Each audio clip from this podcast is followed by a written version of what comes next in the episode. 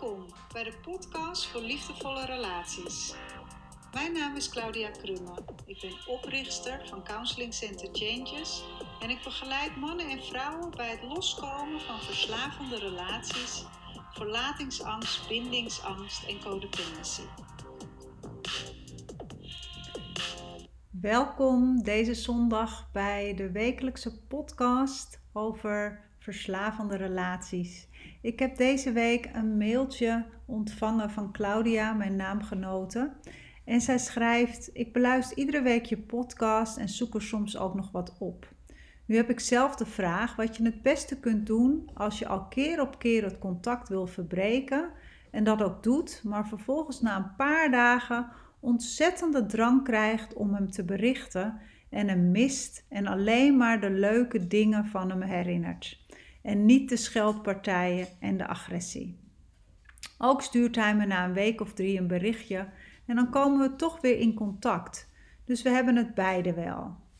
Nou, Claudia, ik wil je bedanken allereerst voor je mooie vraag, want het geeft mij enorm veel kapstokjes om uh, weer veel mooie dingen over te delen. Uh, want er zitten heel veel interessante stukjes in, jou, in jouw bericht en ik denk dat er veel vrouwen en mannen zijn die zich in jouw verhaal zullen herkennen. dus met name dat stukje van keer op keer verbreek ik dat contact. En elke keer uh, gebeurt het weer dat ik toch ook weer het contact aanga. En het eerste woord wat eigenlijk bij mij opkwam, uh, was uh, het begrip de ziekte van vergeetachtigheid. Eh, jaren geleden las ik een boek over verslaving en toen stond er in de tekst: verslaving is de ziekte van vergeetachtigheid. En dat of, uh, het was in het Engels the disease of forgetfulness. En dat resoneerde zo enorm bij mij uh, dat ik echt dacht van ja, dat is echt waar het over gaat.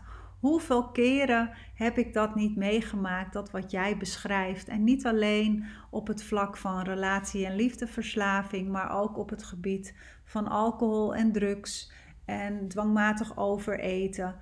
elke keer nam ik mezelf weer voor om uh, niet meer te drinken of uh, geen andere middelen meer te gebruiken of me aan mijn voedselplan te houden. En elke keer viel ik toch weer terug in oud gedrag. dus toen ik dat begrip hoorde, de ziekte van vergeetachtigheid, viel er me bij mij echt een kwartje en dacht ik, ja, dat is waar het over gaat. Um, ik ben zelf jarenlang dus naar twaalf stappengroepen geweest, naar de zelfhulpgroepen. En daarin maakte ik kennis met het begrip insanity, oftewel krankzinnigheid.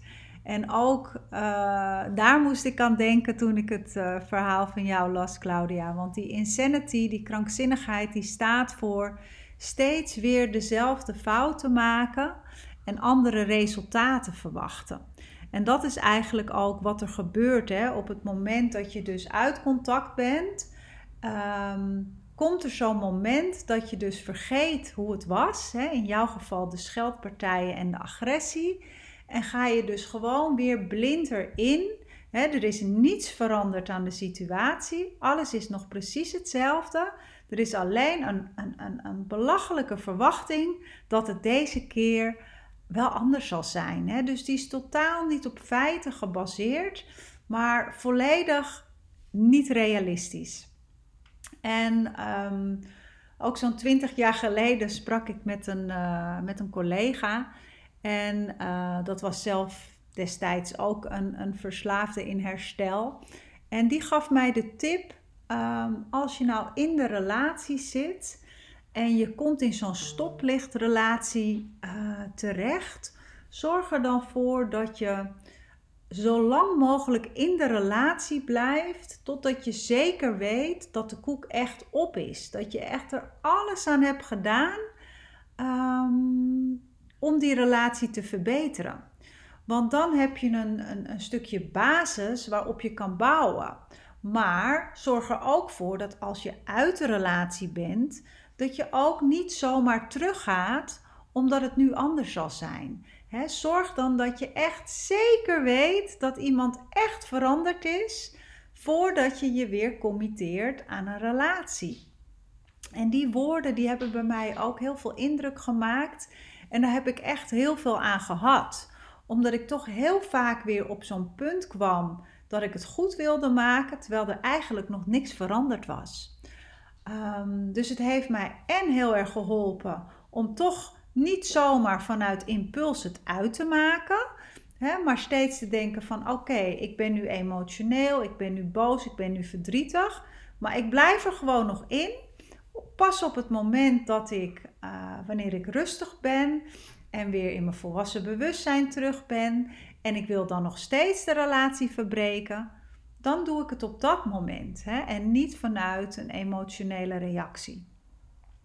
En toen het uit was, heeft het me ook heel erg geholpen om niet zomaar terug te gaan voordat het echt veranderd was. Dus eerst nog meerdere keren met elkaar af te spreken en te zien dat de communicatie daadwerkelijk veranderd was. Nou, vaak gebeurde dat natuurlijk niet, want mensen veranderen niet over één nacht ijs. dus zo'n scheldpartij en dat agressieve gedrag, dat was ook in mijn geval, in mijn relatie aanwezig. Dat kwam vanzelf wel weer voorbij op het moment dat ik gewoon ging afspreken met deze persoon. Ehm, in plaats van me ging committeren dat we weer samen waren, terwijl er niet echt iets was veranderd.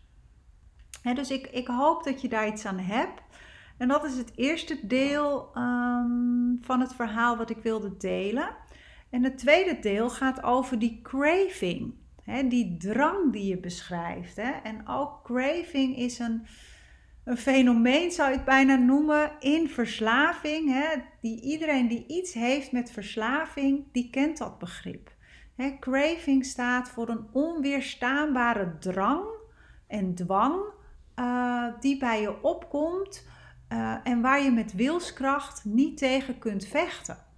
Hè, hoe hard je ook je best doet, je wordt als het ware overgenomen door de craving, hè, door de drang. En um, er treedt zogenaamde machteloosheid in. we zeggen ook wel, is verslaving ontvoert als het ware je wilskracht. En uh, dat is echt waar.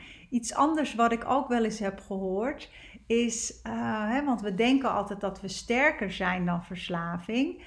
Als jij denkt dat je sterker bent of slimmer bent dan je verslaving, dan kun je ervan uitgaan dat jouw verslaving altijd nog slimmer is dan jij. dus heb jij uh, het VWO gedaan, dan komt jouw verslaving van de universiteit. zo kun je het een beetje zien. Dat was iemand die dat metafoor ooit gebruikte. En ik vond het heel hilarisch, maar het is me wel ook altijd bijgebleven, want het klopt echt. Je kunt het niet winnen van verslaving, niet met wilskracht. Um, dus dat is heel belangrijk om je te realiseren. En wat maakt nou dat die verslaving sterker is dan jouw wilskracht? Dat heeft te maken met meerdere aspecten.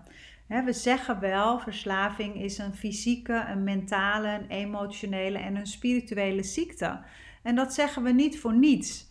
dus het fysieke aspect of het biochemische aspect wil zeggen uh, dat op het moment van craving gebeurt er iets in jouw brein um, hè, wat te maken heeft met je beloningssysteem, met dopamine, serotonine en allerlei andere neurotransmitters, hè, de hormonen van het lichaam.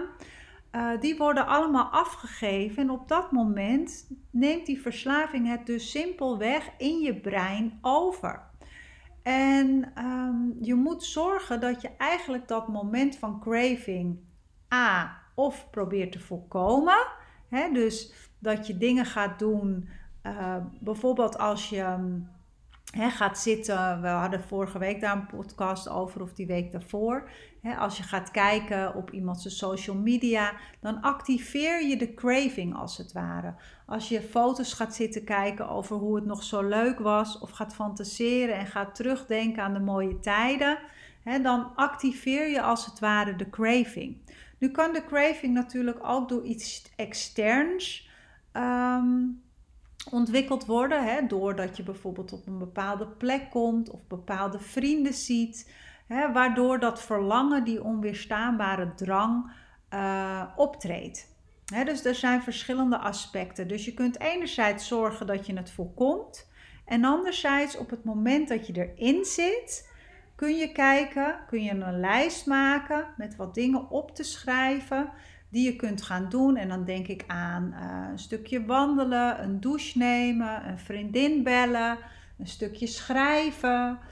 Um, allerlei activiteiten die helpen om even uit die trance te komen. Want die craving is daadwerkelijk een trance uh, waar je in verkeert, totdat het weer is weggeëpt. En uh, dat is enorm zwaar. En dat zal de ene keer beter lukken dan de andere keer. dus zorg dat je waakzaam bent, goed voorbereid bent en die lijst bij je draagt met al die dingen die je kunt doen uh, om zo'n moment als het ware door te komen. want als je het moment eenmaal door bent en je bent weer terug bij je gezonde verstand, om het maar even zo te noemen, ehm, ja, kun je weer op een gezonde manier reageren.